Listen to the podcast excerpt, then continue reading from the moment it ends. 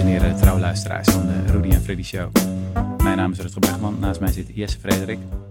Hallo. En dit is de laatste aflevering van seizoen nummer... Ik ben de tel kwijt. Drie, denk ik. Ik weet het niet. In ieder geval, we gaan even tussenuit. Ja. Dit is de laatste aflevering en ik heb echt mega veel zin in.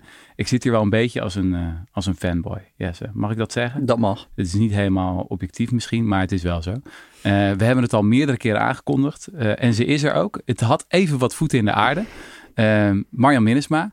Vanmiddag om drie uur dachten we gaan podcasten, maar je had een afspraak met de advocaten. Een kleine miscommunicatie, waarschijnlijk onze eh, fout van onze kant. Eh, maar je gaat in de staat een hele grote zieke dwangsom omleggen. Ga, gaan we het eh, omleggen, opleggen.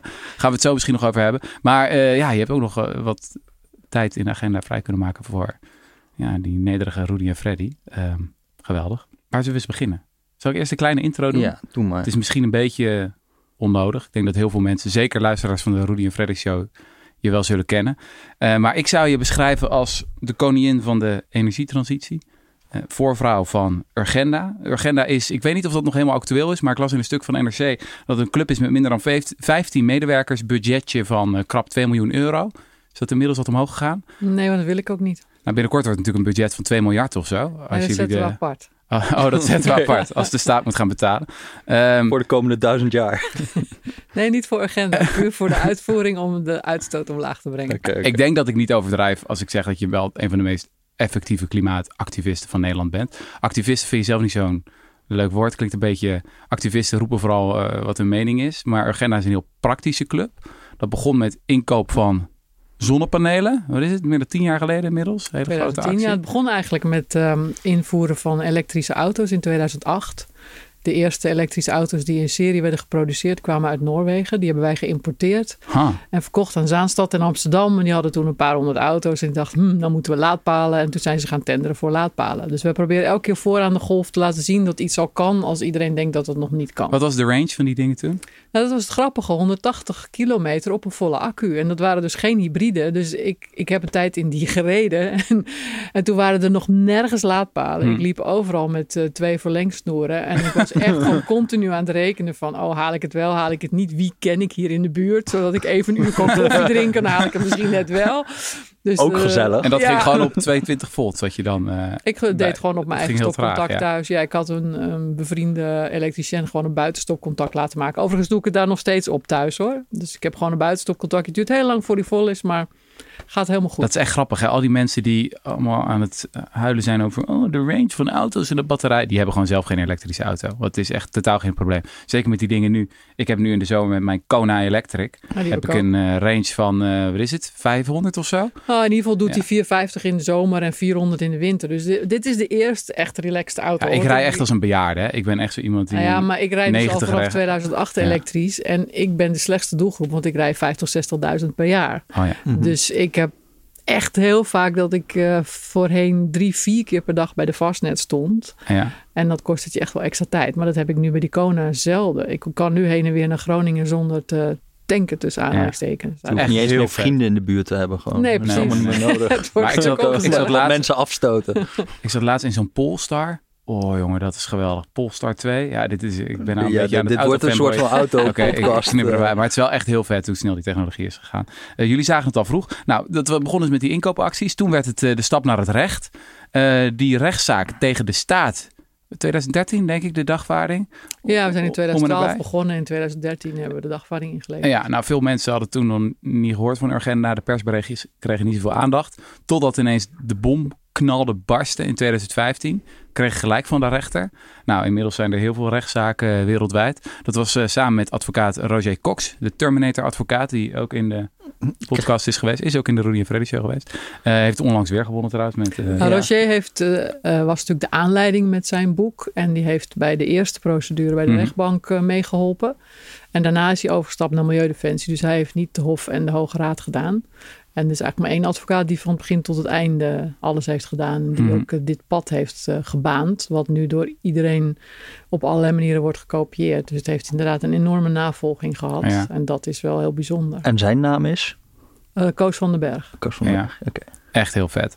Ehm, Even kijken. Nou, inmiddels die zaak die hebben jullie aan alle kanten gewonnen, gewonnen, gewonnen en nog een keer gewonnen in cassatie en weet ik wat allemaal je hebt. Nou, inmiddels zitten we in de fase van de dwangsom.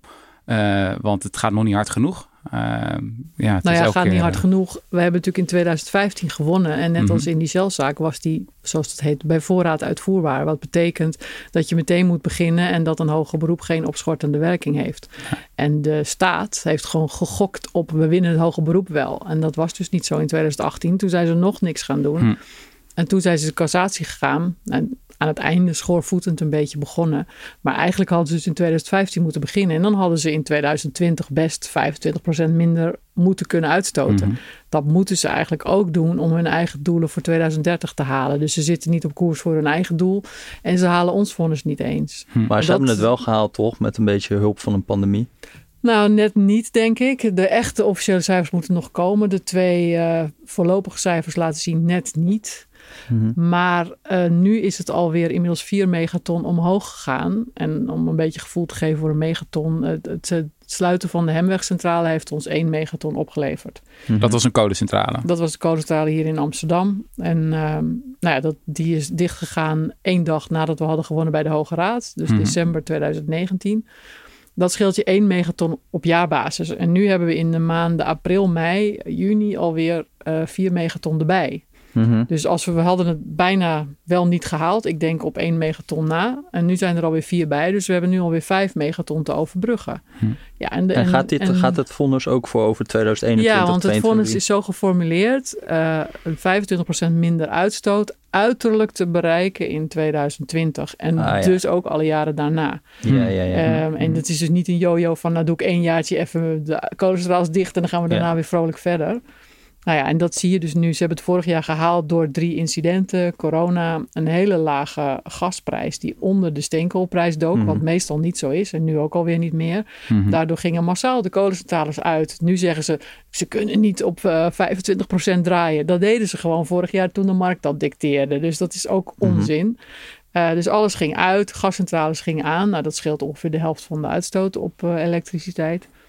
En we hadden natuurlijk een hele warme winter vorig jaar, waardoor we ook minder aardgas hebben verbruikt. Nou, dus dat waren drie mazzeltjes die er dit jaar allemaal niet waren. En dan gaat het ook meteen weer omhoog. Mm -hmm. Nou ja, dat, uh, en, en de regering heeft nu gezegd van ja, dit jaar gaan we niks meer doen. Uh, met Prinsjesdag proberen we wel weer wat budget voor volgend jaar te krijgen. Ja, Hm. dat vind ik gewoon stuitend. En dan op het moment eigenlijk dat we die 25% hebben gehaald, heb je dan nog iets in handen? Want, want, want we gaan nu, als het goed is natuurlijk, gaan we richting uh, 2030 naar 49 of 55 procent. Wat het is, weet ik nu ook niet helemaal. Het is nu nog 49 en de EU gaat naar 55 en dat moet nog onderling verdeeld worden. En mensen zoals Diederik Samson hinten op dat het dan voor ons 53 zou zijn of zo. Mm -hmm. Maar de Duitsers hebben ook net een rechtszaak achter de rug. Die ging al over 2030.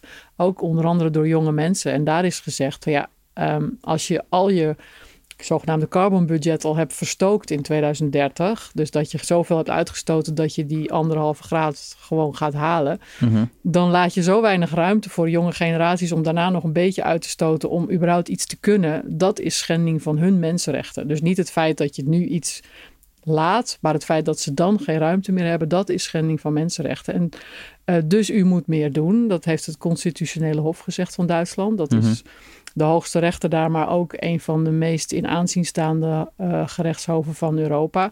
En Merkel heeft binnen een week gezegd van nou, dan gaan we van 55% naar 65%. Hm. Dus die heeft nu zeg maar de eerste keer voor de eerste keer. 65%. Ja. Voor 2030. Ja. Over negen jaar. Ja. En dat zouden wij dus ook moeten doen. Want wij hebben inmiddels natuurlijk berekend volgens de Duitse methode. Wat, waar staat Nederland? Nou, ons budget is ook rond 2030 op. Dus wij zouden dan ook gewoon veel meer moeten gaan doen. Dus dat heb ik maar ook. hoe gaan ze dat? Want ik uh, heb ooit gehoord dat zij pas in 2038 met kolen en zo wilden stoppen in eerste instantie. Dan hou je dat toch toch nooit, denk ik. Nou, zij zijn die kolencentrales nu ook aan het uitschakelen. Dus ja. zij gaan ook langzaam naar beneden. Ze hebben natuurlijk veel zon en wind neergezet. en ze zijn ook aan het kijken naar staal maken zonder uitstoot. Al die dingen die ik Mhm. laatst bij Rutte heb neergelegd, daar zijn zij ook mee bezig. Zij hebben al wel een heel groot plan neergelegd bij de EU voor een waterstofeconomie. Mhm. En dat is niet alleen maar waterstof ehm, als energiedrager of om eh, op te slaan, maar ook om eh, bijvoorbeeld te dienen in de industrie als grondstof. Mhm. In plaats van aardgas of andere dingen die nu gebruikt worden. Ja, Wij, wij maken nu staal met steenkool, niet omdat dat zo heet is, maar omdat dat een chemische reactie veroorzaakt waardoor je de ijzer uit het ijzererts haalt. Dat kun je ook met waterstof doen. Dan Mhm. heb je dus niet al die uitstoot die je nu wel hebt. Nou, daar, daar kijken de Duitsers ook naar. En zo he- een heleboel dingen waar wij naar kijken, wordt daar ook naar gekeken. En Want jullie hebben dat nu zijn een- de grootste stappen. een rapport van, van kolen naar Parijs of zo, toch? Of Tussen kolen en Tussen Parijs. kolen en Parijs, ja, Ja. dat is het. En daar staan gewoon een heleboel eh, concrete oplossingen of heel veel concrete voorstellen van eh, hoe kunnen we dat nou bereiken. En volgens mij in 2030 willen jullie 100% Nou, Of dat, wat, wat dat is het rapport is een beetje fout gequote door eh, een bepaalde media. Maar dat rapport is eigenlijk bedoeld voor de lagere overheden die bij, bezig zijn met die zogenaamde regionale energiestrategieën. Ja. Dus dat zijn mensen die zijn bezig met zon en wind en allerlei andere dingen. En apart daarvan heb ik een plan gemaakt voor de industrie. Dat heb ik bij Rutte neergelegd. Dat heb ik het Woman on the Moon project gedoopt. Dat staat eigenlijk los van dat boek. Want dat Mhm. gaat eigenlijk alleen maar over wat je lokaal moet organiseren. En die grote industrie moet je gewoon landelijk oppakken. Mhm. En na, daarnaast hebben we al sinds 2012 een boek wat zegt... hoe kan je naar 100% duurzame energie in 2030? Maar Ja. dat boek van Tussen Kolen en Parijs gaat eigenlijk over die resten... die regionale energiestrategie. En die mikken nog maar op 49% in 2030. Mhm. En die twee boeken zijn door elkaar gehaald door een journalist... waardoor er een onleesbaar en ook helemaal niet kloppend stukje Maar dan heb je het echt over duurzame energie, niet alleen duurzame elektriciteit. Wat geloof ik, wat is het, 20% van alle Ja, energie is? De, Eh. wij hebben het over 100% duurzame energie om nul uitstoot te hebben. Ja, Of nagenoeg nul. Of Ja. en nagenoeg 100%. Dat is nooit helemaal 100%. Nee. En eh, daarvoor moet je heel veel veranderen. Dus we moeten dan elektrisch gaan rijden. We gaan warmtepompen gebruiken in de industrie, maar ook in huishoudens. We gaan heel veel dingen veranderen, waardoor je veel meer elektriciteit gaat gebruiken. En in Ja. Nederland wordt altijd gedaan van ja, we moeten iets met elektriciteit en we hebben ook nog iets met warmte. Maar je kunt warmte ook maken van elektriciteit. Dus ik vind dat een, een eh, dichotomie die ik gewoon heel eh, verstorend vind. Omdat mensen daardoor denken dat elektriciteit is maar een beetje. Maar we moeten vooral nadenken over de warmtetransitie. Ja, nee, ja. want dat kan je ook doen met warmtepompen en met infraroodpanelen. En dan is het elektriciteit. We Ja. zullen heel veel gaan elektrificeren. Wat ik leuk vond om te lezen in dat, in dat rapport waren ook gewoon, nou ja, misschien, misschien dat het eh, in, in jullie kringen dan wel heel bekend is, maar vooral bij het landbouw bijvoorbeeld zag ik een paar voorstellen die ik, waar ik nog niet zo vaak van had gehoord, van het vernatten van veenweidegebieden.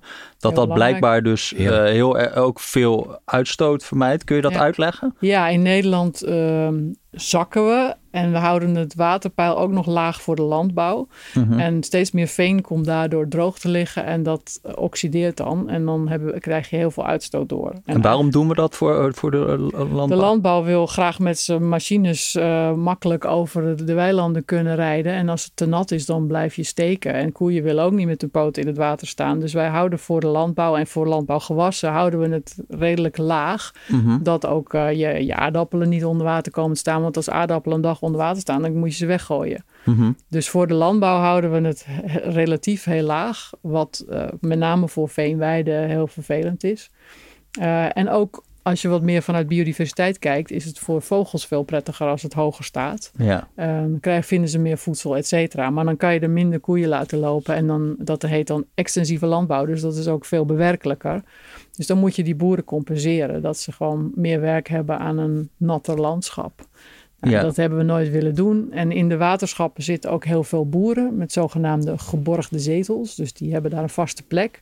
En die ijveren in de waterschappen allemaal voor niet te hoge waterstanden. En Dus- veenweidegebied, dan hebben we het vooral over de Groene Hart en of waar, waar is... Ah, eigenlijk hier vlak in de buurt, de Wormer Jisperveld. eh, in de Zaanstreek heb je nog heel veel eh, Guisveld, et cetera. Dat zijn allemaal veenweidegebieden. Ja, En dat zijn ook nog wel bijzondere gebieden Hm. voor eh, wat voor planten daar leven. En dat zijn ook de gebieden waar je nog grutto's en zo kunt Hm. hebben. Dus en het voorstel zou dan zijn van uh, dat, dat er nog steeds landbouw is, maar dat het gewoon veel minder intensief is dan Ja. nu? Of zou je er echt zeggen van laat het gewoon helemaal gaan en maak er weer moeras van, of ik weet niet wat het ooit was. En eh, het wordt Nou, echt dat- weer natuur. Zee. Het hangt, ja, maar natuur is natuurlijk een heel rekbaar begrip. Ja, hè? als je, ja. als je eh, wat wil doen voor bijvoorbeeld eh grutto's en tureleurs en kievieten, dan moet je er geen moeras van maken, want dan krijg je moerasvogels. Dat is ook hartstikke leuk. En krijgen we muggen, dat moeten we ook niet Eh, hebben. Nou ja, maar dus, eh, wij hebben bijvoorbeeld in Nederland een speciale functie voor de grutto. Omdat die ehm, hier ehm, langskomt om op te vetten en te broeden.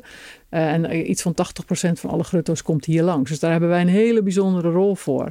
En die hebben eh, juist weilanden nodig met niet veel bomen... waar allemaal kraaien en roofvogels in zitten. En dat zijn onder andere die veenweidegebieden. En Ja. die wil je dus open houden. Dus de moeras, dan krijg je bosjes erin en nou ja, krijg je andere biotoop. Eh, Ja. terwijl wij juist voor die weidevogels heel belangrijk zijn. Ik vind het mooi, we zijn eh, wat is het, 10 minuten bezig en we zitten nu alweer bij de veenweiden en de grutto's.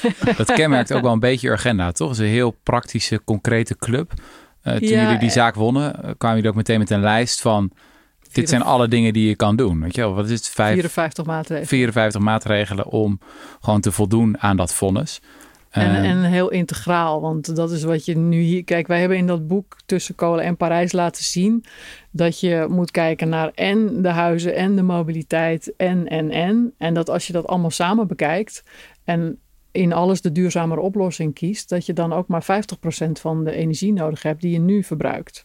Dus in de integraliteit zit ook een enorme vermindering van het totale verbruik. En wat je dan nog moet doen, dat moet je dan duurzaam opwekken. Maar is dat echt zo? Want als we toch alles gaan elektrificeren en zo, hebben we toch veel meer energie nodig? Nee, dan heb je meer elektriciteit nodig. Maar als je het naar joule om zou zetten, heb je minder energie nodig. Dus als jij Ja, met een klassieke auto rijdt, dan verlies je zeker 40% in de vorm van warmte. Terwijl Mhm. als je elektrisch rijdt, zet je bijna alles om in beweging.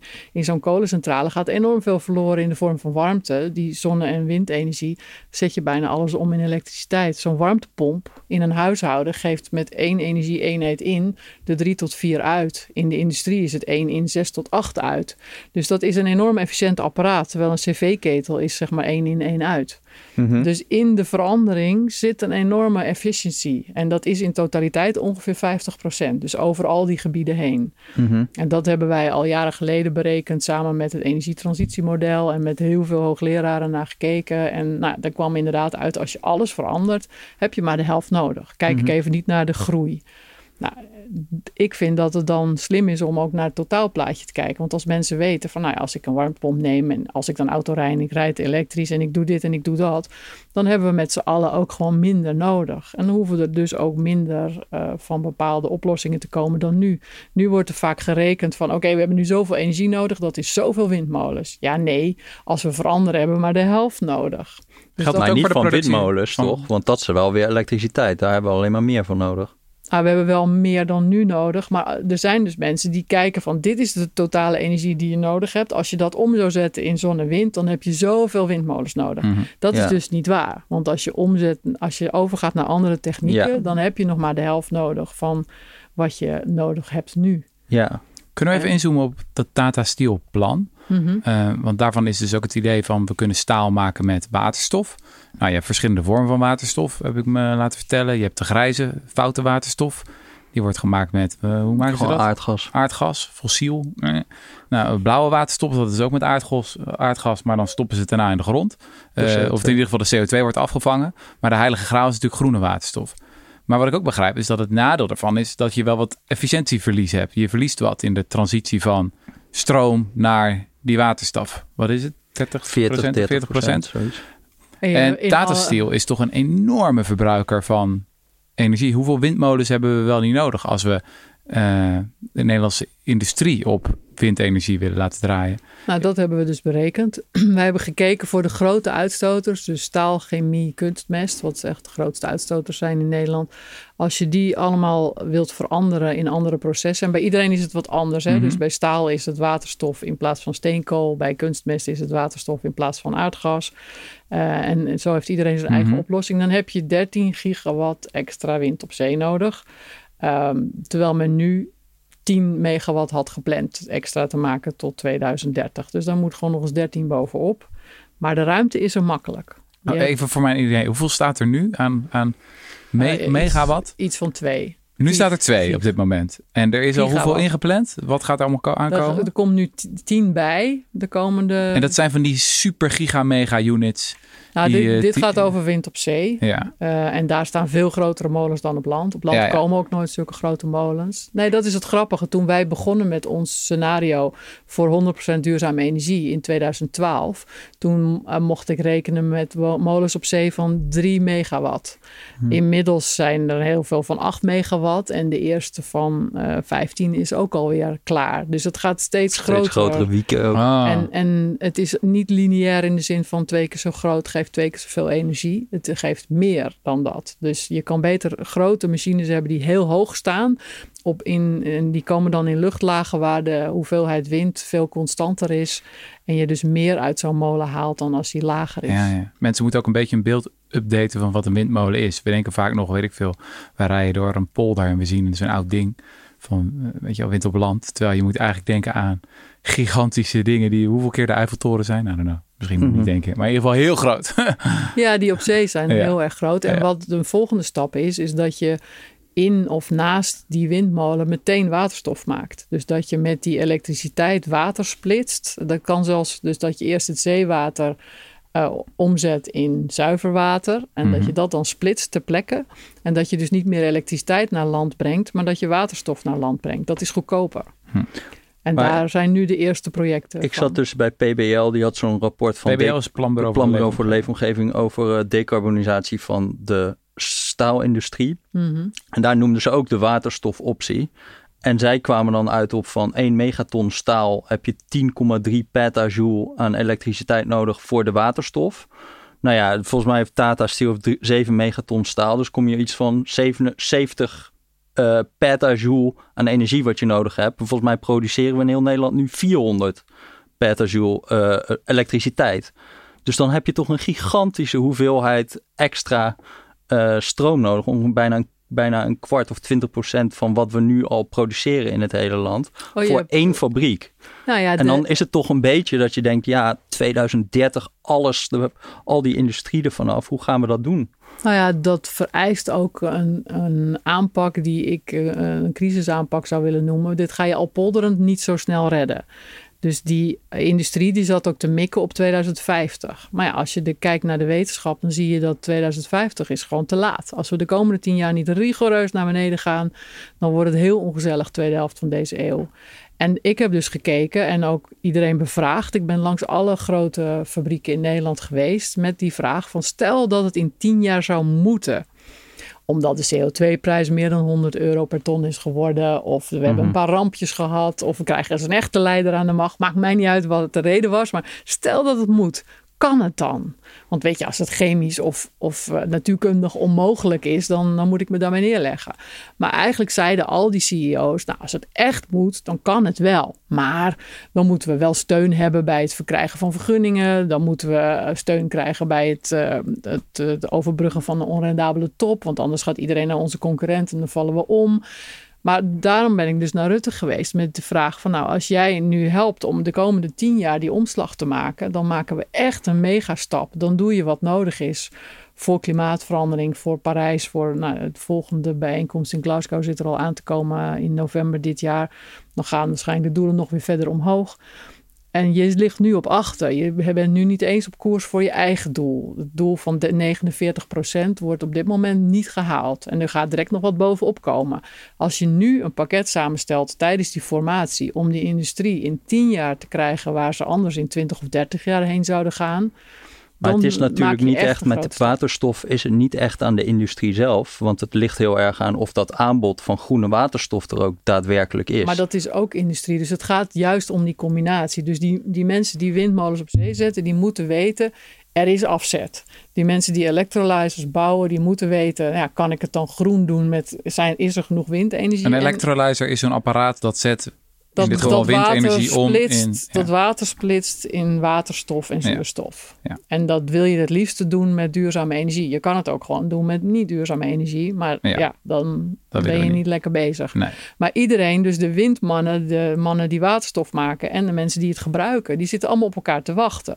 Dus als je nu naar Tata Steel gaat, dan zeggen ze van ja, er is nog geen waterstof, dus wij mikken over 20 jaar. Maar als ik dan vraag, stel dat die waterstof er over 10 jaar wel is, kan het dan? Ja, dat kan wel. Dus je moet eigenlijk alle drie die partners tegelijkertijd aanzetten. En Maar de windmensen hebben wel gezegd van we, we zitten nu hebben we de, in de pijplijn 11,5 gigawatt aan wind op zee. Dat gaat er gewoon komen. Nou, dan waarschijnlijk komt er nu nog 10 gigawatt eh, wat bij. Dus dan zitten we op 21,5 ongeveer. En in jullie rapport zeggen jullie dan dat moet 30 worden, 30 gigawatt worden. Nou, maar dat is een ander, eh, dat is voor 100% duurzame energie. Hè? Dus wij hebben nu berekend wat heb je extra nodig voor de hele industrie. Dat is 13 gigawatt. Bovenop de 10 die er nu gepland staat. Maar En 13 dat kan. gigawatt, dat, is, dat li- lijkt mij aan de lage kant voor als je Nee, alles op niet- waterstof wil Nee, hebben. dit is niet voor alles en iedereen. Dit is voor de, de hoogovens, chemie en eh, eh, kunstmest. Dat zijn de drie grote. En we hebben dus nu al, dus dan zouden we er dus 10 Industrie. gigawatt al bij, hooguit bij kunnen volgens de windsector. Hè? Dus de windsector zegt zelf eigenlijk, we kunnen niet meer dan 10 gigawatt op, eh, Ja, maar op zee. de, de windsector, die zei dus in twee- Ik 2012... neem aan dat zij graag wi- windmolens bouwen. Dus ik denk niet Nou- dat zij het soort van zoiets hebben van, nou doen we alsjeblieft maar wat ik minder. heb andere windmannen gesproken die zeggen dat dat kan. Dus eh, da- daag de markt maar uit, eh, ondersteun dat. En dan denk ik dat het kan, want er zijn zoveel aanbieders. Kijk, toen ik in 2012 begon met mijn eerste visie op 100% duurzame energie in 2030. Het kan als je het wilt, heet dat boek. Mhm. Toen zeiden die windmannen allemaal: ja, je kan niet rekenen met meer dan 3 megawatt molens hoor. Nou, er staan inmiddels eh 8 megawatt molens en het dubbele is al bijna klaar. Hm, Dus hm. die, die zitten zo in een lineair spoor dat die niet meer echt exponentieel kunnen denken voor hun eigen sector. Je moet juist de mensen van buiten hebben die daartoe in staat zijn. Maar het is volgens mij, de bottleneck is vooral Tenet. Dus of je die kabels nog wel aan, aan, aan Nou ja, land en- krijgt en niet of, die, of je die wieken kan nee, en. Tenet heb ik ook gesproken. Eh, dus bij alles geldt dat de overheid moet ondersteunen. Want Tenet kan best meer doen, maar dan moeten gewoon meer middelen tegenaan. Want dat Tenet kost is een geld. overheidsclub. Dat is die de leidingen aanleggen voor het hoogspanningsnet. En dus kabels aanleggen van als je een windpark bouwt, moet het ook aanlanden. En, eh, hele dikke kabel die dan van de zee... Maar je hebt dus niet Ja. alleen maar, eh, zeg maar elektriciteitskabels nodig. Als je extra wind op zee bouwt, vooral voor waterstof in dit geval, dan wil je ter plekke waterstof maken en dan wil je pijpleidingen naar, met waterstof naar land halen. Dat is dus iets anders mhm, dan eh, elektriciteitskabels en dat is ook goedkoper. mhm. En dat zijn ook weer andere mannetjes die dat doen. Dus, en de sector zegt gewoon dat ze dat kunnen. Maar natuurlijk niet zonder steun van de overheid. Want eigenlijk zou die infrastructuur gewoon door de overheid moeten worden geholpen. En los van steun van de overheid is het toch ook heel erg, volgens mij gewoon het hele juridische traject is gewoon vrij ingewikkeld. Die gewoon lang gaat duren. Dus jij zei net van ik wil een soort van, moeten wel een crisismodus nu. Maar ik, ja, als ik dan zo'n eh, rapport van jullie lees, ademt dat ook heel erg wel van we gaan draagvlak creëren en bla bla bla. En zit daar niet ook een beetje een spanning? Dus bijvoorbeeld, we hadden een windmolenpark boven Groningen. Nou, dat moet dan door duingebied in Schiermonnikoog. Dat ligt dan heel gevoelig Ja. bij milieuorganisaties. Dat is ook zo. En dat, En dat hoeft snap ik ook wel. Ja, En dan, eh, eh, maar, maar, maar, maar ja, aan de andere kant, dat schuurt natuurlijk wel met snelheid allemaal. ja. En als je zegt, we gaan echt in crisismodus, moet je daar ook misschien over dat soort procedures eh, heen stappen. Dat is vervelend en pijnlijk, maar Nou, het kan altijd veel slimmer dan we het nu doen. Het hoeft niet dwars over Schiermonnikoog. Er nee, natuurlijk, als dat... het plan meteen uit eh, helemaal goed is, dan heb je Nee, ja, überhaupt geen procedures nodig. Maar als we dus nu alvast zeg maar vooruitkijken van in 2030 willen we meer gaan doen. eh, en er komen daar nog wat windparken bij. Dan moet je nu al gaan kijken van hoe ga ik dat aan land brengen en neem dat mee. Een van de redenen dat ze nu dwars over Schiermonnikoog heen gaan... is dat ze denken van ja, er moet straks nog een pijpleiding van een nog verder park. Eh, laten we dat dan maar eh, daarvoor bewaren en dan gaan we nu maar even over Schier heen. Ik zou ook me voor kunnen stellen dat je denkt... nou, ik leg gewoon nu meteen twee keer zo groot het aan. Niet over Schier, maar met een bochtje. En dan zorg ik dat ik daar straks een, een verder park op aan kan takken. En een deel is elektriciteit, maar een deel wordt straks ook meteen waterstof. Dus dat is dan weer een andere infrastructuur. En dan ligt al het een en ander. Dus je kan ook gebruik maken van wat er ligt, wat je over gaat zetten, bijvoorbeeld van aardgas op waterstof. Dus je moet wat integraler gaan kijken en verder vooruit. En nu zijn we elke keer bezig met een klein stukje en niet al te ver vooruit. Mhm. En ik denk dat het heel goed zou zijn als we zo heel veel mensen bij elkaar in een ruimte zetten en kijken van nou stel nou dat we naar 100% gaan. Wat moet er dan allemaal gebeuren en hoe kunnen we dan nu al slimmer gaan organiseren? Ja. Want dat doen we niet. Druist dit niet ook een beetje in tegen, hoe zeg je dat, de menselijke natuur? Ik sprak ooit, de, wat was het, de Pijbus, die was toen de baas van het eh, Rijksmuseum. Die legde mij de wet van twee uit. Hij zei, luister, als je iets gaat doen van enige ambitie in Nederland of waar ook ter wereld, dan eh, duurt het eigenlijk eh, altijd eh, twee keer zo lang als je gedacht had van tevoren. En het wordt ook twee keer zo duur. Ehm, nou, misschien kunnen we die, dat iets omlaag brengen. Maar in de praktijk kom je gewoon van alles tegen wat ingewikkeld is. Jullie hebben een enorme... Behalve in een crisissituatie. Want dan hebben we binnen een jaar een vaccin. Wat waarvan iedereen normaal altijd zei, dat, dat duurt heel erg lang. Hmm. Daarom eh, zeg ik, het is een crisis. Want met normaal eh, polderen, inderdaad, heb je helemaal gelijk. Hmm. Gaat het veel te lang duren, wordt het veel te duur. Zelfs een zogenaamde transitieaanpak. Ik was zes jaar mededirecteur van het Instituut voor Transities. Ja, dat schijnt volgens de geleerden twee generaties te moeten duren. Die tijd hebben we ook niet meer. Nee. Dus ik vind dat Greta Thunberg volkomen gelijk heeft. Uh, it is a crisis, treat it as a Hmm. crisis. En Mijn als- gevoel is soms eh, dat ehm, er een sfeer in Nederland is ontstaan waarbij het heel erg is van, nou ja, die multinationals, het bedrijfsleven, die stoten veel te veel uit. Als, die, als we die nou gewoon goed aanpakken, dan komt het goed. En dat er te weinig besef is van de offers die ook gebracht moeten worden door ons allemaal. Er Was een tijdje geleden was er een studie van het eh, Sociaal Cultureel Planbureau. Dan werd er gevraagd naar draagvlak voor klimaatmaatregelen. Nou, wat blijkt dan? Eh ondervraagden zijn voorstander van woningverduurzaming. Is natuurlijk leuk, daar verdien je ook nog een centje mee. Eh, ze zijn best wel voor eh, belastingen op bedrijven die veel fossiele brandstoffen gebruiken. Nou, ze zijn dan ook nog wel net voor eh, subsidies op elektrische auto's. Het wordt al ingewikkelder als het gaat over een vliegtax. Want ja, dat vinden we toch wel ontzettend leuk, onze vakantietjes. En er is beduidend meer steun dus voor het extra belasten van bedrijven. en minder voor prijsverhogingen van vliegtickets en een vleestax en al dat soort dingen. Nou ja, alles staat of valt met of mensen die urgentie voelen. Ja, En zolang wij zeg maar heel veel afgelopen 10, 20 jaar hadden we van bijna alle grote partijen leiders die de urgentie totaal niet voelden en ook niet uitdroegen. nee. Dus dan kan je ook van je bevolking niet verwachten dat ze dat begrijpen. En ik heb Rutte dus ook uitgedaagd van je zou net als je nu doet voor het corona elke paar weken gewoon op de bühne moeten gaan staan en moeten uitleggen hoe ernstig het echt is. ja.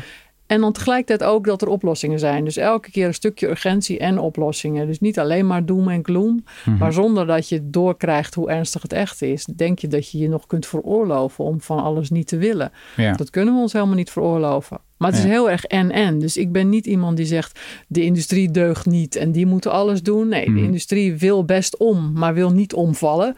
Dus die zul je moeten helpen. En aan de andere kant zullen wij ook ons best moeten doen. En dat moet natuurlijk naar draagvlak. Ja. Dus ik vind ook dat die overheid moet middelen gaan leveren... voor de mensen die het zich niet kunnen veroorloven. Dus als jij en ik zelf die zonnepanelen op ons dak kunnen leggen, hartstikke goed. Maar als er mensen zijn die het wel willen, maar niet kunnen, zorg dan dat die de middelen daarvoor krijgen. En dan kun je dan over een hele lange tijd terugbetalen met de besparing die je realiseert. voor een deel hebben we toch ook wel gewoon echt onaangename boodschappen. Een tijdje geleden was er nog zo'n studie van het eh, Planbureau voor de Leefomgeving. Die zeiden van, in dat geval ging het dan over stikstof, maar het is natuurlijk sterk verbonden met de klimaatkwestie.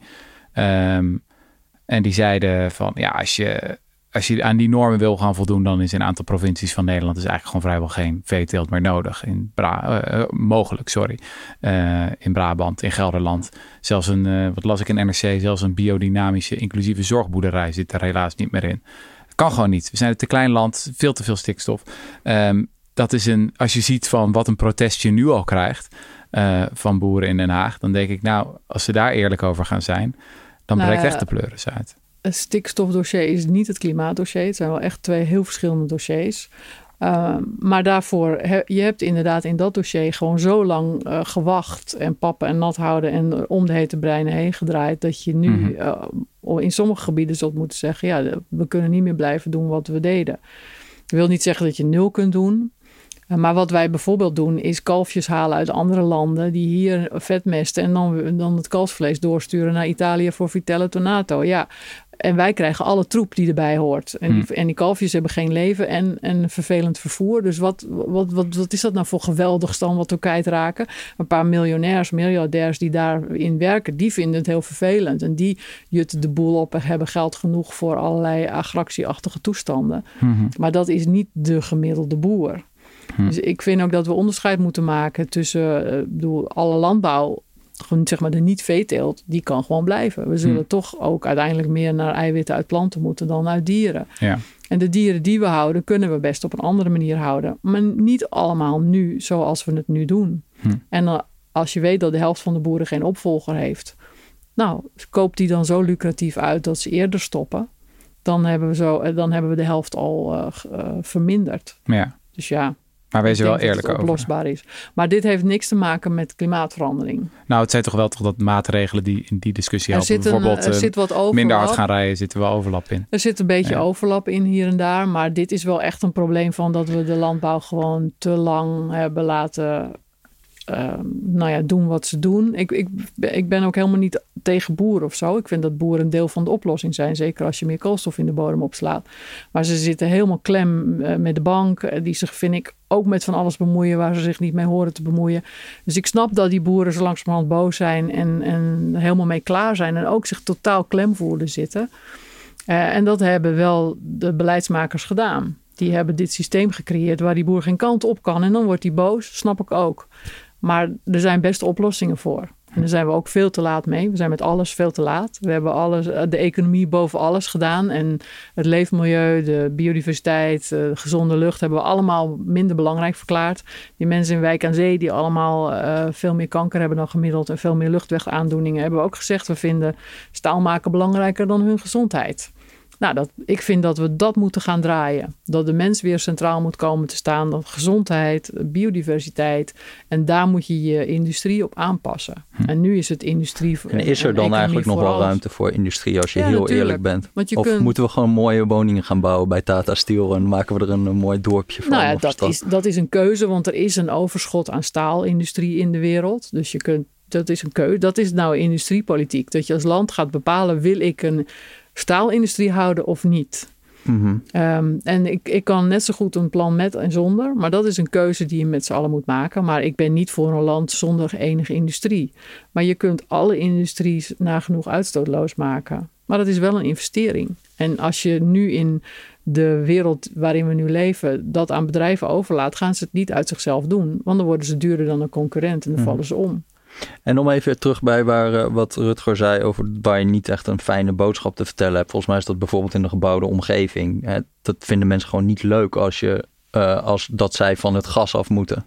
Nee, dat weet ik helemaal niet. Want waarom zou je het leuk vinden of niet leuk om van het gas af te moeten? Aardgas in je woning zorgt nog steeds voor uitstoot van fijnstof en andere dingen. Dus het is minder gezond dan eh, koken op, eh, op inductie bijvoorbeeld. Maar laat me voor, want er was laatst in de Tweede Kamer een heel verhaal over in Utrecht-Noord. Probeerden ze geloof ik in een stadswijk, wilden ze... Ja, ik vind dat, de, dat dit hele eh, onderwerp volkomen verkeerd is aangevlogen. Er is een hele grote nadruk op warmtenetten.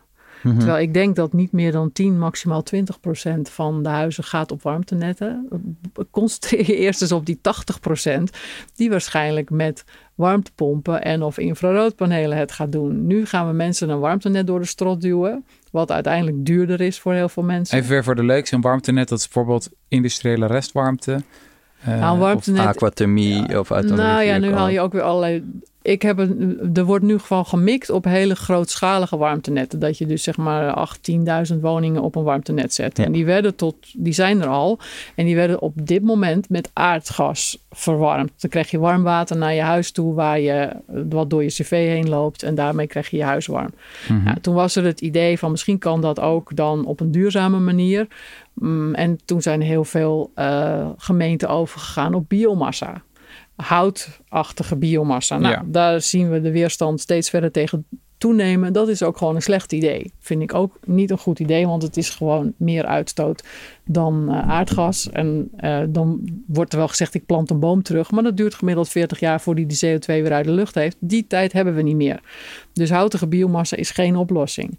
Nou, daar zie je nu de strijd. Hè, want zeker, uh, er zijn een heleboel GroenLinks-wethouders en, en gedeputeerden geweest. Die ze hebben gekozen voor houtige biomassa.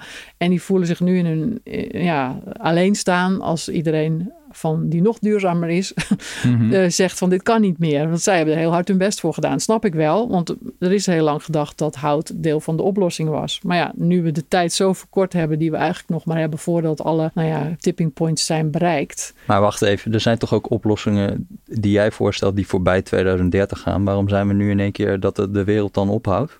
De wereld houdt niet op. Maar als we nu hout gaan gebruiken en twee keer zoveel uitstoten, dan gaan we sneller over allerlei kritische grenzen heen.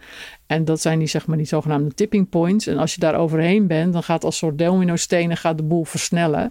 En dan krijg je het niet meer terug in zijn hok. Maar stel dat we nu naar waterstof gaan, dat is toch ook niet gelijk groene waterstof. Dus we zullen we op korte termijn toch ook waarschijnlijk meer uitstoten dan wanneer we het bijvoorbeeld onder de grond zouden stoppen bij de industrie. Als je, ja, je hebt nu heel veel dossiers door elkaar. Nee, oké, maar ik bedoel, dingen, dingen hebben soms een langere, ja, nee, maar, la, maar langere tien jaar, tijd In tien jaar kun je je wind opschalen, kun je waterstof maken en kun je je industrie gaan aanpassen. Dus het wil niet zeggen dat het allemaal morgen klaar is. Maar je kan in de komende tien jaar alle trajecten parallel uit gaan zetten. En dan in 2030, misschien 2031, klaar zijn. Maar dan moet je wel een crisisaanpak kiezen. Want een normale uh, looptijd zou zeker 20 jaar zijn. Alleen hebben we die niet meer voor de jonge mensen van de toekomst. Maar als we het even teruggaan naar die warmtenetten, mm. die kun je uh, ook duurzaam doen.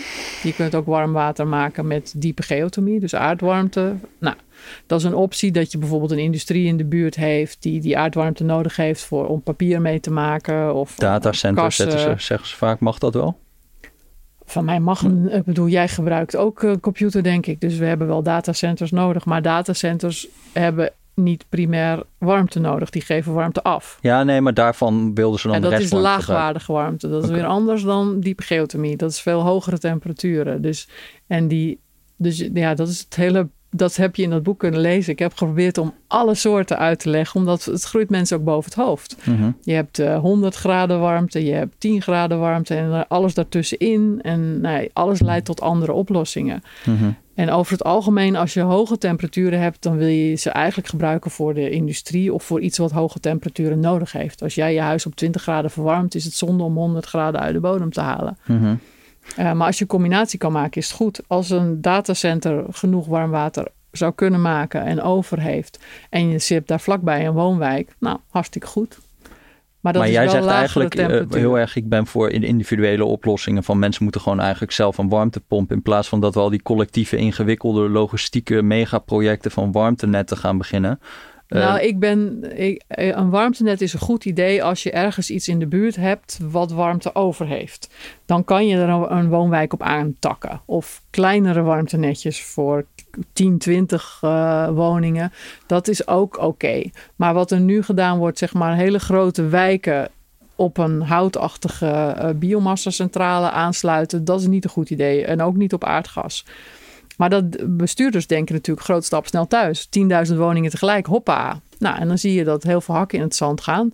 Want dan moeten alle straten open, dan moet warm water heen in door grote buizen. En denken mensen, ja, daar heb ik allemaal weer gedoe. Die moeten aansluitingskosten betalen van 5000 euro. En daarna gaan ze voor warm water betalen. En mijn voorspelling is dat die biomassa alleen maar duurder wordt in de loop der jaren. Dus dan wordt hun warm water ook alleen maar duurder. Terwijl met zo'n individuele oplossing, dus als jij bijvoorbeeld een luchtwaterwarmtepomp zou hebben, hmm. dan betaal je één keer. En als je dat afbetaald hebt, nou, dan heb je af en toe nog wat onderhoud, maar je lasten gaan niet zo meer omhoog. En ik denk dus uiteindelijk dat die mensen met zo'n warmwaternet duurder Maar dat lukt er niet overal. Kan je toch met zo'n lucht... Uh, of ik weet niet precies meer hoe dit, uh, hoe dit zat. Ja, je hebt heel veel soorten warmtepompen. Dus zo'n luchtwaterwarmtepomp kan in principe bijna overal. Alleen hij maakt geluid. Dat is Ja. een van de vervelende dingen daarvan. Dus je moet wel een plek hebben waar je hem neer kunnen zet, kan zetten... zonder dat jouw buren gaan klagen. Ja, Maar dat stelt niet veel voor hoor, dat geluid kan ik uit ervaring zeggen. Nee, ik heb hem ook. Het ik valt heel me, erg ik mee. was eh, Brace for Impact en dat ding stond er. Nou, is dit het? ja, Ja. Viel, viel jij Ja, dat? viel me erg mee. Ik heb de Elga, wat een fantastisch ding. Maar het is wel een hybride. Waterpomp. Maar wat is het? eh, 70, 80 procent reductie van de gasverbruik. Nou, dat is ook en het is waar. een fantastische investering. Nee, is dat laatst- niet goed? Nee, dat is, nee, dat is niet waar.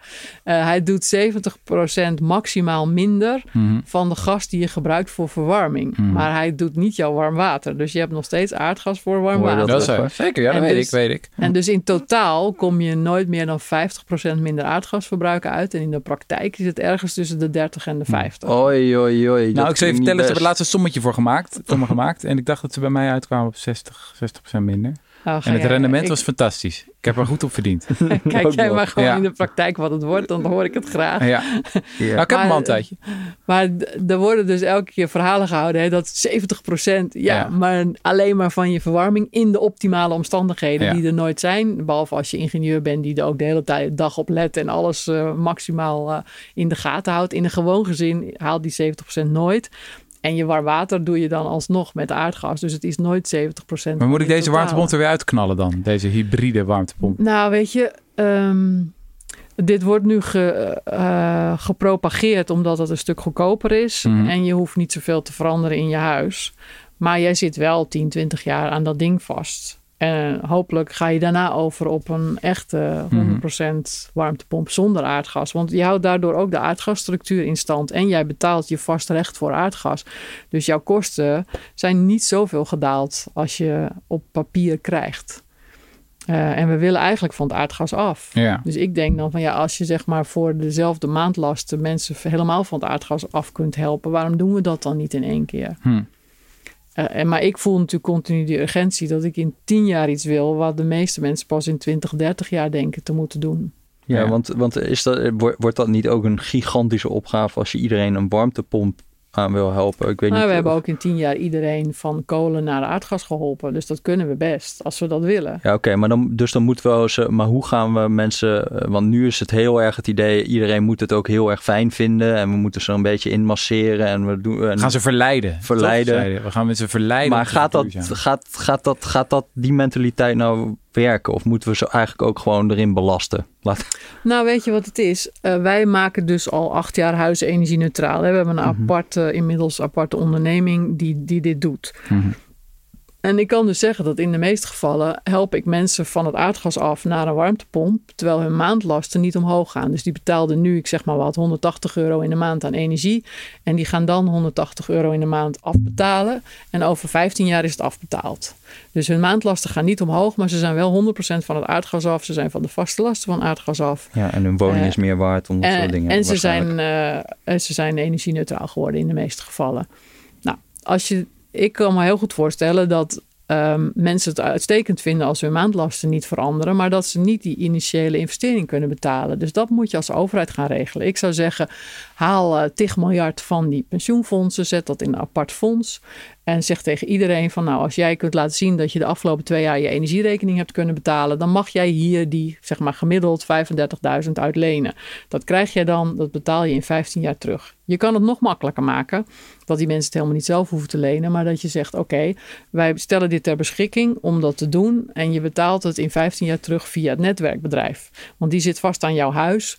Dan zie je het niet eens. Die is die 150 gemiddeld in de maand. Die halen we gewoon ervan af. En als jij verhuist, dan gaat het gewoon, blijft het bij jouw huis. Dus dan is het helemaal niet jouw persoonlijke lening of zo. Maar het is gewoon Mhm. iets wat aan jouw huis gekoppeld zit. Mhm. Maar jouw maandlasten gaan niet omhoog. Ik denk als we dit kunnen doen, want dat geldt voor de meeste dingen. Hè. Ook een auto die minstens zes jaar meegaat, die, die je nu elektrisch zou hebben, die heeft qua maandlasten ga je niet, om, nu, niet duurder rijden. Het is alleen dat mensen die eerste investering niet kunnen betalen. Dus als overheid moet je helpen om die investering te maken.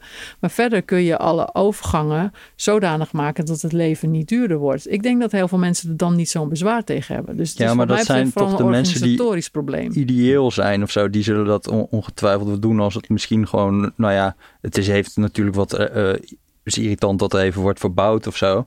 Maar voor de rest blijf je dus gewoon dezelfde kosten hebben. Maar ik denk niet dat je daar de hele 9 miljoen eh, mensen woningen toch mee krijgt. Er zullen heel veel mensen zijn die, daar, die zoiets hebben van, ja, het is voor mij allemaal gedoe. Ik ga dit niet vrijwillig doen. Nou ja, maar als je nu zeg maar het aangeboden krijgt van de overheid zonder dat jouw maandlasten omhoog gaan en over tien jaar moet je het zelf betalen, dan denk ik dat mensen best meegaan. Ik denk ook wel dat je het, het organisatorisch zo moet regelen. Dat maar is je- dit nou die crisismodus? Want, dan, dat, dan, want dan, dan wordt er heel snel in één keer een soort van... het moet heel leuk zijn nu voor mensen. Nou, Ik- misschien, ik het hoeft ook woord niet leuk. leuk nog niet gebruikt. en ik denk dat je het organisatorisch moet organiseren. Dat mensen denken van, nou oké, laat ik dan maar nu meegaan. Want als het me nu niks kost, straks kost het me wel wat. Ja. Dus ik denk wel dat je het in een nieuwe wetten en zo moet gieten. Waardoor je mensen die kant op duwt. Mhm. En dat kan jij misschien niet leuk vinden. Maar ik vind eigenlijk dat we het te veel problematiseren. Want ik wil het woord boos of niet leuk in dit geval helemaal niet gebruiken. Want wat is er erg aan als jij een moderner apparaat krijgt? Je krijgt modernere eh, radiatoren. Het is prettiger warm in huis. En je hebt niet meer de aardgaslucht. Maar sommige mensen zijn gewoon irrationeel. Die denken gewoon, ik wil Nou, niet. het- het- Ja, nou ja, maar dan wil je dat niet. Maar dan moet je het over tien jaar ga je het wel verplichten. En dan moet je het zelf betalen. Nou, kies maar. Maar ja, omdat bijvoorbeeld dat voorbeeld in dat Utrecht Noord, dat ging dan over een plek waar al zo'n warmtenet lag. En dan wilden ze het aardgasnetwerk wegdoen. Dus ook het koken niet meer op gas. En dan kregen ze een inductieplaat, eh, een hele nieuwe pannenset kregen ze allemaal vergoed. Mhm. Maar dan waren er een paar mensen die toch nog hadden, nee, ik wil helemaal geen inductieplaat, ik wil gewoon een aardgasnet. En dan gaat de Tweede Kamer een motie indienen van, nee, mensen moeten wel keuzevrijheid eh, houden. Dus moet dat hele aardgasnetwerk daar Nee, blijven maar liggen. daarvan zou ik ook zeggen, als mensen zeg maar een inductieplaat en een pannenset krijgen, dus ze hebben er nul verlies aan, dan zou ik gewoon zeggen het moet. Klaar. Om maar aan te geven, niet Ja. iedereen zit er zeg maar Nee, zo heel maar pragmatisch op- in. op hè. Dus- Kijk, ik vind ook dat de regering. maar de Tweede zeggen- Kamer dus ook niet, want die willen die mensen dus gewoon wel, ja, van nee, het moet wel allemaal leuk blijven. Ja, Ja, ja, maar dat, dat komt dus door dat gebrek aan urgentie. Dus daar begint het mee. Dat we dat gewoon elke twee weken moeten laten zien hoe ernstig het gaat worden. Mhm. En eigenlijk al is op heel veel plekken van de wereld. Hm. Maar eh, ik vind dat de regering wel moet zeggen vanaf 2030 geen cv-ketels meer. Elk dak, dak ligt iets, groen of zonnepanelen mag, mag je kiezen. Maar we gaan niet meer gewone dakpannen of zo. Of gewoon eh, bitumen doen. Mhm. Ehm, alleen nog maar elektrische auto's. Dus over tien jaar moet je denk ik hele grote stappen maken die je nu aankondigt. Dat mensen niet denken van oké, morgen moet mijn Ja, ja. de deur uit. Of overmorgen mag ik niet meer rijden in mijn autootje. Maar Mhm. dat je wel weet als er iets kapot gaat de komende tien jaar, dan moet ik de overstap maken. Want in 2030 is het over. Mhm. Nou, ik denk dat dat nu de tijd is om te gaan aankondigen. En wat je vaak ziet is als mensen weten in 2030 wordt het anders, dan gaan ze al veel eerder acteren. Mhm. En je moet ze wel even ruimte geven. En je zegt van, het, er is gewoon een supergrote urgentie op dit moment. Ehm, ik, ik verbaas me altijd een klein beetje bij de milieubeweging dat er toch heel vaak ook daar heel veel opties worden uitgesloten. Terwijl we in een super ur- urgente situatie zitten. Dus in jullie rapport wordt, ademt dan ook een beetje... ja, we willen eigenlijk geen, geen zonneweides meer. Niet een, we willen ook ja, niet meer per se dat land, wind op land. Het moet allemaal wind op zee. En is dat niet ook een beetje een risico van... Nou ja, wie, wie Ja, maar weet- dat staat er dus niet, hè? Er staat, nou ja, het staat de- niet, maar er staat gewoon... We laten zien wat er allemaal kan op land. Hè? Wind, of, eh, la- zon op dak, zon op wand, zon langs de weg. Nou, twintig verschillende zonneopties die al 57 terawattuur aan zon opleveren. Daarnaast staat er ook in, als je een zonneweide maakt, hoog op de poten, met licht ertussen, eh, bloemen, eh, bijen, bla bla bla, niks aan de hand. Maar projectontwikkelaars die gewoon massaal zo'n land volleggen met, met geen licht ertussen, et cetera, dat gaat ten koste van de grond. Dus ik wil dat biodiversiteit niet het kind van de rekening wordt van de energietransitie. Dat is wat we daar eigenlijk zeggen. En er is meer dan genoeg harde oppervlakte om alles te doen wat kan.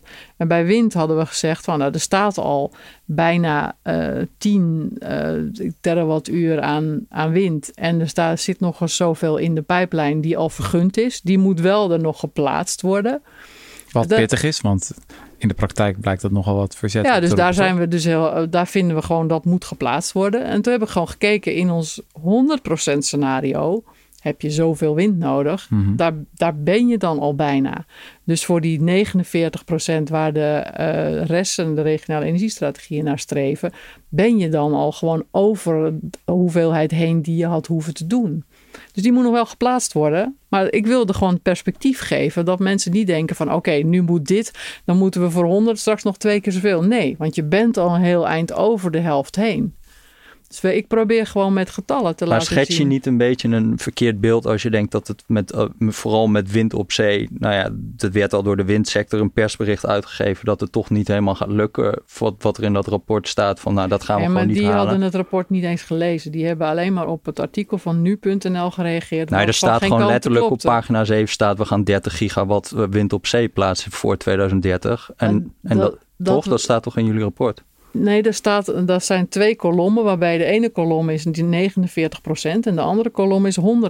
Omdat ik wilde laten zien, als je bij 100% bij wijze van spreken 100 nodig hebt en je hebt al 80 gedaan voor, voor je scenario van 49%, dan ben je al echt ruim klaar. Ik ja, wil- ik wil niet vervelend gaan doen om te gaan citeren of zo, maar er staat gewoon letterlijk op pagina 7 van het rapport staat er gaat 30 gigawatt, eh, eh, gigawatt aan wind op zee in 2030. Voor het, nee, er staat bij voor het 100% duurzame energiescenario wat wij hebben gemaakt. Dus dat Ja. is een ander scenario dan waar de resten op mikken.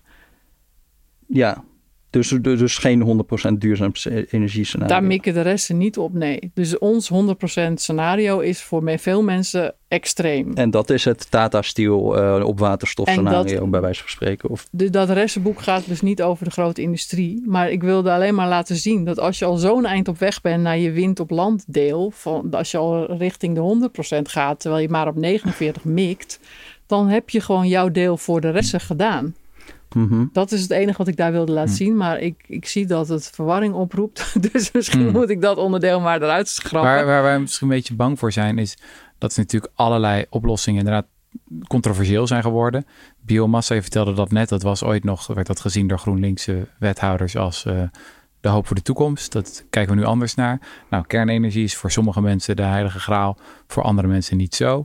Eh, wind op land blijkt nu controversieel te zijn. Eh, In theorie klinkt het mooi als het in SP heeft net gezet, mag niet meer. Ja, Ja, er is natuurlijk al heel lang dat heel veel mensen wind op land. Maar ook lokale. GroenLinksers die ineens heel erg tegen een windmolen blijken te zijn als het een mooi uitzicht verpest. Eh, wat dan op een gegeven moment nog overblijft is inderdaad wind op zee. Waar ik een beetje bang voor ben, is dat er op een gegeven moment rapporten gaan komen van nee, wind op zee, dat blijkt toch ook heel problematisch te zijn. Alles Eh, heeft voor de biodiversiteit. Er is daar Dus- een of andere hele gave vis die heel ongelukkig ervan wordt. De kabel moet Ja. door een Nee, tuin. En wij- dan ben ik het wel erg met Jesse eens. Dat zegt van ja, luister, we zitten in een crisissituatie. Ja, Het ja, gaat naar de pleuris met z'n allen. vertellen. We moeten gewoon alles doen wat we kunnen. Roeien met de riemen die we hebben. Oh, de VVD wil kernenergie? Prima. Als jullie ervoor betalen, let's go. Doen we ook subsidie op. Alles. Gewoon gaan. Eh, we- we- dat we niet in de luxe zitten om te zeggen van... Oh, oh vind jij dat vervelend? Een beetje slagschaduw van dat windmolentje? Nou, ik, ik zou daar wel enige nuance op aan willen. Je hoeft niet alles te doen. Dat is nou precies waarom we die boekjes maken met Mhm. alle uitleg. Want als je zeg maar de helft van de daken vollegt en 10% van de wanden en boven 10% van de fruit en echt gewoon, we hebben in dat boekje niet 100% van de potentie neergelegd, maar maar een stukje van de potentie, dan haal je al meer dan genoeg. Eh, in ieder geval zeker voor hun eigen doelen. En ben je al heel eind op weg. Je hebt voor 100% heb je gemiddeld 9 zonnepanelen per persoon nodig en 9 windmolens per gemeente. Mhm. Dat is eh, zeg maar waar wij naar streven. En waarbij we dan meteen zeggen. Je hoeft niet in elke gemeente negen windmolens. Want als je de 200 op de Maasvlakte zou kunnen doen, die ook iets groter is, dan kun je bepaalde gemeenten in het Groene Hart ontzien. Dus we moeten wel met intelligentie blijven kijken. Niet op de allermooiste stukjes. En kies nou je lelijkste delen uit. En groepeer af en toe. En nou, et cetera. Dus ik vind niet dat we overal iedereen alles door de strot moeten duwen. We kunnen best kiezen voor de lelijke stukken en wat slimmer opereren dan het idee wekken. Het moet overal en maakt me niet uit wat jij ervan vindt. Het mot. Hm. Want het is gewoon niet zo. Hm. We kunnen veel Maar dat is slimmer. natuurlijk met zon op dak moet je eigenlijk bijna ook mensen gaan dwingen, want ze doen het nu ook niet, toch? En, en Nou, daar zijn ook Nou, moet je eens altijd in auto komen, jongen. Nou, de zon op dak gaat exponentieel. Dus Ja, dat- ik vind dat de overheid dat salderen wat langer op 100% moet laten. Hè? Ja, dus dat je wat Dat je is heel goed overdag voor mijn portemonnee. van je dak afhaalt, mag je s'avonds wegstrepen. Dat is dat salderen. Nou, dat is nu tot 2023 100% en dan bouwen ze het af naar 2031. Ik zou hem wat langer op 100% houden. En dan zou ik ook gewoon gaan adverteren als overheid van nou, wil je nog zonnepanelen, doe het nu. Want nu is er nog een gunstige regeling en die loopt af in 2030. Maar als je het voor die tijd hebt gedaan, dan heb je het al ruimschoots terugverdiend. En daar ben je altijd spekkoper mee. En zou je niet ook kunnen zeggen dat we het gewoon, ehm, En voor mij mag je het ook verplicht stellen hoor. ja, Ja, dat doen de Fransen. Nou ja, dat wil zijn jij ook- eigenlijk horen, geloof ik. Dus, nou ja, goed. Ik weet, kijk, daar, ik hoor daar ook altijd allemaal problemen met de structuur van gebouwen of daken is eigenlijk niet geschikt voor om het erop te leggen. Mm. Het is soms heeft het een heel laag rendement als je het op een dak legt en dan ja, is het dan ideaal om het daar te doen of in een zonneweide. Ik bedoel, Nee, je hebt de- er, zijn altijd, eh, er zijn altijd plekken waarvan je zegt, nou hier wil ik het niet. Hè? Op, op mooie gebouwen, eh, dorpsaanzicht, eh, weet ik veel wat. Ehm, maar er zijn heel veel gebouwen waarvan van gezegd wordt, die, die kan niet zoveel belasting hebben. Maar je hebt inmiddels ook dunne filmpanelen. Het zijn twee Nederlandse bedrijven, die staan ook in dat boek. Mhm. Die hele lichte zonnepanelen maken. Dus er is bijna in, in de meeste gevallen kun je niet zeggen dat dat niet kan. Ehm, een van de wel grote bottlenecks is ons elektriciteitsnetwerk. Daar moet echt, dat is een van de belangrijkste plus personeel. Die twee dingen, daar moeten we eigenlijk wat aan doen. Dus mensen massaal eh, omscholen die nu nog in oude, oude industrieën zitten die we straks niet meer nodig hebben. En die netwerkbedrijven moeten gewoon en meer middelen en meer eh, juridische ruimte krijgen. Mhm. Want die mogen heel veel dingen niet. Ze mogen niet zelf aan opslag doen. Ze mogen niet zelf kiezen wat ze eerst doen.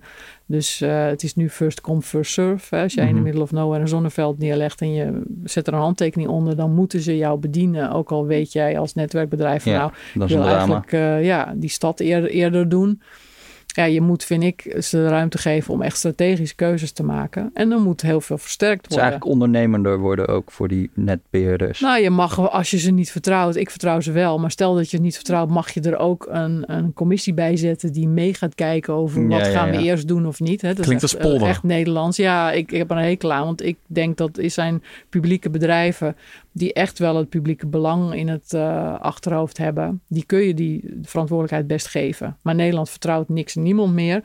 Dan zet je er weer een commissietje tussen. Die gaat kijken van, nou oké, we doen eerst de steden. En daar in de middle of nowhere gaan we het niet doen. Want dan moet je een compleet transformatorhuisje bijplaatsen voor één lullig veld. Mhm. Nu moeten ze dat doen, juridisch gezien. Nou, dat vind ik dus gewoon niet kloppen. Eh, en er zal gewoon echt geld tegenaan moeten. Want er zijn gewoon stukken waar het net niet goed genoeg is. Mhm.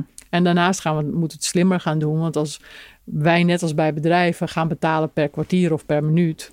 dan gaan wij ook niet allemaal tegelijkertijd onze dingen aanzetten. Want dan wordt het veel te duur. Hm. Dus Mhm. eh, ja, we kunnen nog zoveel slimmer doen. We doen nu allemaal eigenlijk nog zo voor oorlogs. Dat, En, eh, en, en zie jij een risico, want dat, dat wil ik nog, eh, dat we het soms gewoon iets te nationaal aanvliegen ook. Dus misschien is Nederland ook gewoon helemaal niet een geschikt land om, om, om met allemaal hele ruimte-intensieve energievormen als wind en zon te gaan werken. En kunnen we het beter gewoon Noorwegen heel veel geld betalen om daar een paar eh, windmolens neer te zetten. Ik zeg maar wat, hè.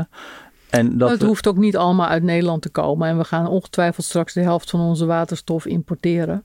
En er zijn natuurlijk landen waar veel meer zon met name en ook wind is. Waar je goedkoper elektriciteit hebt en dus ook goedkoper waterstof kunt maken. Mhm. Ik zou zelf wel voor zijn dat je een deel in handen houdt. Gewoon ook uit... eh, Strategisch eh, ook. Ja, dat het belangrijk is om niet helemaal afhankelijk te worden van allerlei landen waar je niet 100% afhankelijk van wilt zijn.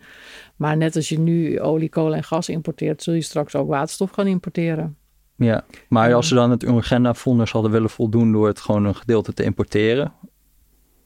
En Wat zou je dan willen importeren? Want het Nou ja, Agenda-fonds gaat over vanaf het Nederlandse grondgebied 25% minder uitstoten. Dus ja, dat ja, is ja. niet op andermans grondgebied. Want Maar waarom klimaat- eigenlijk niet? Want het klimaat Nou, boeit dat niet. Nee, maar het klimaatverdrag wil van iedereen dat ze hun eerlijke deel doen. En als wij gewoon continu door willen gaan en hopen dat anderen het oplossen, dat is niet de oplossing. Maar jij doet op ongemakkelijke effecten, Jesse, dat als we bijvoorbeeld stoppen met Gronings gas, waar natuurlijk heel veel voor is te zeggen, dat we dan vervolgens Russisch gas gaan importeren, wat smeriger gas is of Amerikaans ja, ja, we moeten ook niet naar gas natuurlijk. Hè. Gas gaat eruit in mijn, in mijn scenario. maar goed, Maar we ja, kunnen ook, termijn we laten het we nog eerlijk nodig, zijn, ja. dat is op dit moment wel aan de, de orde. Van, Ja, nou, de komende tien jaar zullen we nog een aantal dingen doen die we niet optimaal vinden. Maar ja. In in de reis er naartoe zijn we nog niet eh, daar waar we willen zijn. Maar dat is voor mij niet een reden om te zeggen: laten we wachten tot we 100% deugen en dan pas gaan we aan de slag, want dan zijn we zeker te laat. Dus je moet heel veel dingen parallel in gang zetten, waarbij niet alles nog optimaal is. En als we nu Groningen stopzetten, dan zullen we de komende tien jaar nog wat aardgas uit andere landen halen. Dat kan overigens ook uit Noorwegen. Maar we kunnen natuurlijk ook zorgen dat we zo snel mogelijk van het Russische aardgas af zijn. Dus dat kan een extra reden zijn om harder te gaan lopen. Maar het is natuurlijk wel dat dat echt nou ja, als je dat gaat doorrekenen en je kan een beetje twisten over de cijfers, hoe groot het nou precies is. Maar je hebt het echt over heel, hele forse hoeveelheid extra megatonnen CO2. Als je het in, uit Rusland haalt ten opzichte van het hier uh, uit uh, de velden halen.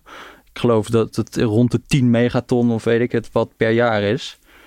Dat ja, is... de vraag is of je het nu hebt over Nederland alleen. Dat denk ik niet. Maar goed, eh, ik vind ja, nee, dat de, de veiligheid van. Uh, maar, de, maar daar, daar zijn we op zich niet zo. Daar maken we ons dan wat minder druk over op een of andere nou ja, Je, je weegt dingen tegen elkaar af. Dus het, het zou inderdaad vanuit puur en alleen klimaat problematiek beter zijn om, om het Groningen gas op te maken in plaats van het uit Rusland halen. Maar we willen dat die mensen daar gewoon veilig kunnen leven. Dus dat doen we niet. Ja, dan, maar je kan eh, wel kleine velden zou je nog kunnen aanboren. Dingen die niet in Groningen, waarvan we niet... Dat is natuurlijk... Dat, dat, we hebben ook een kleine veldenbeleid. Dus bij mij in de Beemster staat ook een installatie waar, waar gas, aardgas wordt gewonnen. Dus, maar er wordt nu eh, wel heel erg van dat dat, dat, dat, dat wordt, volgens mij wordt dat bijna niet meer uh, nieuwe, nieuwe gasvelden in Nederland aangeboord. Nou, er zijn nog heel veel kleine velden in bedrijf en eh, die zou je de komende tien jaar kunnen benutten. En er is natuurlijk een pleidooi om niet meer naar nieuwe velden te gaan boren, want die zijn ook altijd niet de volgende maand dan in bedrijf. Dat duurt hmm. enige tijd. En als je mikt op 2030 stoppen, dan heb je waarschijnlijk niet een lang genoeg tijd voor zo'n bedrijf om uh, zijn geld te kunnen verdienen. Dus dan maar we zijn toch niet in 2030 van het gas af? Nou, dat is wel wat ik zou willen. Ja, ja, oké. Okay. we willen wel alle heleboel. Nee, maar dat, met een crisisaanpak kan het. Hm. Als je het gewoon polderend doet, kan het niet. Nou, wat ik soms een beetje frustrerend vind in deze discussie, is dat er dan bijvoorbeeld wordt gezegd van, uh, nou, zo'n datacentrum van Google of Amazon en dat komt hier. Verschrikkelijk. En dan denk ik altijd bij die mensen, oh, dus jij gebruikt geen internet? Of uh, de industrie in Nederland, oh, die is zo vervuilend. En Tata Steel. En dan denk ik, oh, dus jij hebt geen staal nodig. Het, en het is niet dat als wij ja, Tata Steel wegpesten, of in ieder geval als het vertrekt, uh, dat we dan die producten niet meer verbruiken. Volgens mij, volgens Milieucentraal, is ongeveer 40% van onze persoonlijke CO2-uitstoot uh, heeft te maken met de spullen die we kopen. Ja. Dus ja, het is soms het is heel gemakkelijk natuurlijk om steeds te zeggen van ja, stomme Amazon en stomme oh, Google. Ja, we hebben stomme... nu natuurlijk met corona gezien waar de mondkapjesmachines en waar de mondkapjes vandaan komen. Ah, ja. Uh, en daar wordt ook de uitstoot, geda uitstoot gedaan. Ja. En wij gebruiken ze hier. Dus het is inderdaad heel hypocriet om alles maar naar China te verhuizen en alleen maar in, te importeren en te doen alsof je zelf zo geweldig bent. Ja. Ik vind ook dat we zelf wel de nodige industrie moeten behouden. En, maar wij hebben ook best wel de middelen en de mogelijkheden om dat dan echt duurzaam te maken. Nou, Ik vind dat we daar dan sneller dan de rest uh, ons best voor moeten doen. Dan kunnen we dan weer voorbeeld zijn en dan mag je daar ook geld aan verdienen. Ja.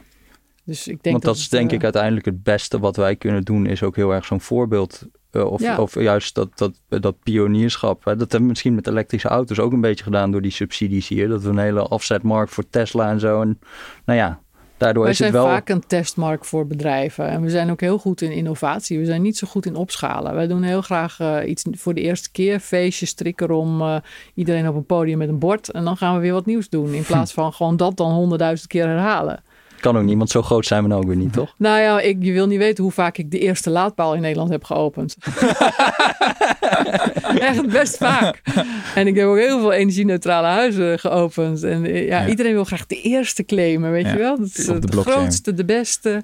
Maar gewoon het harde werk van het opschalen, daar zijn we gewoon heel slecht in. Ja. En dat is wel het fase waar we nu in zitten. Opschalen, opschalen, opschalen. Saai, vervelend. Maar en dan steeds beter worden en dat steeds makkelijker kunnen en steeds goedkoper en noem maar op. Hm. Mhm. ja, ik zei het aan het begin van ons gesprek al, wat ik heel erg vet vind aan agenda. Misschien wat ik ook wel de vetste milieuclub van Nederland. Europa, de wereld vindt maken. is gewoon dat heel concreet. Weet je, heel erg die praktische aanpak. Als je, je, vertelt als je een lezing geeft, dan uh, is het, het eerste deel, uh, een derde of zo, besteed je aan de verdoemenis. Maar het grootste deel gaat toch over de oplossing. Uh, we zijn ook weer bij de oplossingen geloof ik begonnen in dit gesprek. Ik wou toch nog even aan het slot bij die verdoemenis gaan. Uh, oh, wat even lekker. wat een, wat een heerlijke... Dit is niet echt ja. de, de, opbouw nou ja, van de protestantse nee, het is, speech. Het is een omgekeerde protestantse spreek. Maar soms denk ik wel eens van, dat vergeten we toch wel weer. Als je die gra de grafiekjes er weer even bij pakt van hoe gigantisch de opgave is. Iets wat nooit ver, eerder vertoond is in vredestijd. En het is toch makkelijk om dat elke keer weer te vergeten, toch? Om het weer weg te laten zakken. Dus ik vroeg me af wat, jou, wat jouw gevoel daar inmiddels bij is. Want je zit al zo lang in het dossier en de tijd verstrijkt en de klok tikt. En het is niet dat we geen vooruitgang boeken, maar Ja, We schieten nog steeds niet hard genoeg op. Nee. Nee, dat klopt. Wat voor invloed heeft dat op je gemoed? Word je daar gewoon banger van? Pessimistischer? Of ga je nog, gewoon nog meer op de oplossingen trom slaan? Nog harder? Ehm, normaal gesproken, als ik zeg maar gewoon zoals nu met andere mensen ben, dan ben ik gewoon bezig met het kan nog wel en de oplossingenkant. Ehm, ik heb natuurlijk ook wel uren dat ik diep in de nacht achter mijn computer zit en dat ik denk, shit, wat een klote zooi. ja. Waarom schieten we voor geen meter op? Excusez-le-mo. ja. Ehm, maar al, ik vind het dan toch altijd wel weer inspirerend om te bedenken van, nou ja, zo'n Roosevelt die in de Tweede Wereldoorlog zei van, ja, jullie maken nu auto's, maar er worden vliegtuigen. En ik zei altijd binnen twee jaar waren het vliegtuigen. Maurits Groen corrigeerde mij laatst. Het was binnen vier maanden maakten ze vliegtuigen. Ja, dat, als het dus echt een crisis is, kunnen we zo ontzettend veel. Waarom gaan we onze tijd en geld verdoen met naar de maan of naar Mars? Hm. Terwijl we gewoon hier op aarde gewoon electrolyzers moeten neerzetten om waterstof te maken. En te zorgen dat zo'n staalfabriek gewoon met waterstof wordt. Het is zo simpel. Kan best in tien jaar. Eh, Iedereen zegt ook eigenlijk dat het allemaal kan. Maar we maken het onszelf zo moeilijk.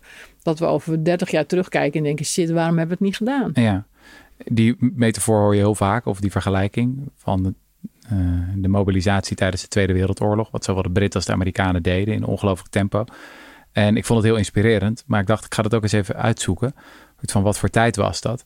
En ik vond toch ook wel, ehm, nou ja, spannend om dan te lezen dat dat gepaard ging met heel veel offers. In heel veel opzichten natuurlijk krankzinnig hoge belastingen voor de allerrijkste en ook voor de Dat middenklasse om dat te financieren. Eh, forse offers als het gaat om consumptie. Van alles en nog wat op de bon. Je kon niet zomaar een stofzuiger kopen of weet ik wat allemaal nog wat. Eh, victory speed, dus maximaal 35 mijl per uur mocht je rijden. Mooi toch? Eh, inperking van persoonlijke vrijheden. Dus in die zin zou het ook.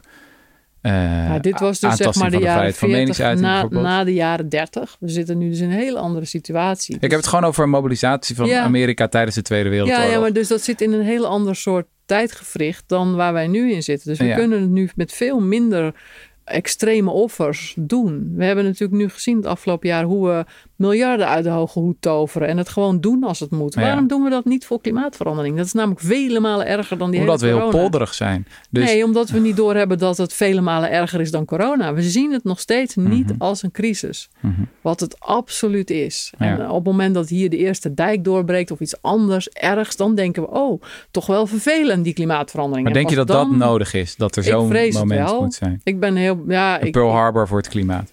ik zie dat ehm, Sandy niet heel veel heeft geholpen in Amerika, in mijn ogen. Ik ben Orkaan, benieuwd wat, ja. wat, wat zo'n stad die weggevaagd wordt in, in Canada met, met die enorme temperaturen daar, Ja. wat dat dan doet voor zo'n land. Ik zou denken, je, je schrikt je rot en, en je gaat aan de slag. Ja. Maar we zijn ook binnen drie maanden vaak alweer vergeten wat er voor ergens is gebeurd. Dus we zijn Ja. heel goed in snel wegstoppen en weer doorgaan. Ja. Nou luisteren er heel veel mensen naar de Rudy en Freddy show die eh, heel erg van goede wil zijn. En graag aan de goede kant van de geschiedenis willen staan. Eh, als je jezelf nou recht in de spiegel wil aankijken en een goed verhaal wil hebben voor je kleinkinderen straks. Wat zijn dan de persoonlijke stappen die je gewoon moet zetten op verduurzamingsvlak van je eigen leven? Nou, als mensen van goede wil zijn, zou ik zeggen: begin gewoon met zo min mogelijk vlees eten. Dat is eh, een goed. Heb je, hoef je niet veel geld te kosten en maakt Mhm. enorm veel verschil. Als je een dak hebt, leg, leg hem vol met zonnepanelen. Als je nog een auto hebt, stap over op een elektrische auto. Bij elke aanschaf denk: heb ik het echt wel nodig? En eh, if yes, dan wat is dan de duurzaamste variant? Mhm. We kopen nog steeds veel te veel. We hebben eigenlijk helemaal niet zoveel nodig. Eh, en ja, sommige mensen kopen eh, volgens mij ook om hun stress of depressie weg te kopen. Mhm. Als je wat zelf wat vaker nog even een stapje terughoudt en denkt: heb ik dit echt wel nodig? Dan denk ik dat we met heel veel minder toe kunnen. Ik denk dat we dat ook in de coronajaren hebben gezien met alle dichte winkels. Top. Eh, heel veel dank voor je komst naar de studio. Dit was de laatste aflevering van het seizoen. Wij zijn weer terug in Ja, november. tegen de tijd dat Rutger vader is. Ja, Wow. Fe- felicitaties. Daar doen we het allemaal voor, hè? Voor de volgende generatie. Ehm Jessie, jij bent nog wel van plan om een paar podcasts op te gaan nemen. Oh ja, nee, ik, ga, ik heb dit, dat, vond dat die hele Koen podcast me zo goed bevallen dat ik nog wat Ja, obscure volstrekt figuren... ontoegankelijk. Er wordt geen jargon uitgelegd. Kijk, ik doe nog een beetje mijn best als er wat wordt gedropt van eh, Ja. wat dan de, de betekenis van de afkorting. Nee, Dat- ik ga, dit, ga nog, Ja. ik ga nog een keer in de overdrive. Ik wil Ja. echt, eh, ja. Ja, eh, dus Marianne, als je nog suggesties hebt voor extreem ontoegankelijke energie- en klimaatmensen. Jesse. Nou, daar wemelt het van. ja, ja, daar wemelt het van. Ja, ja fantastisch. Oké, dit was hem dan. Oké. Eh, tot in november. Daarbij. Tot ziens.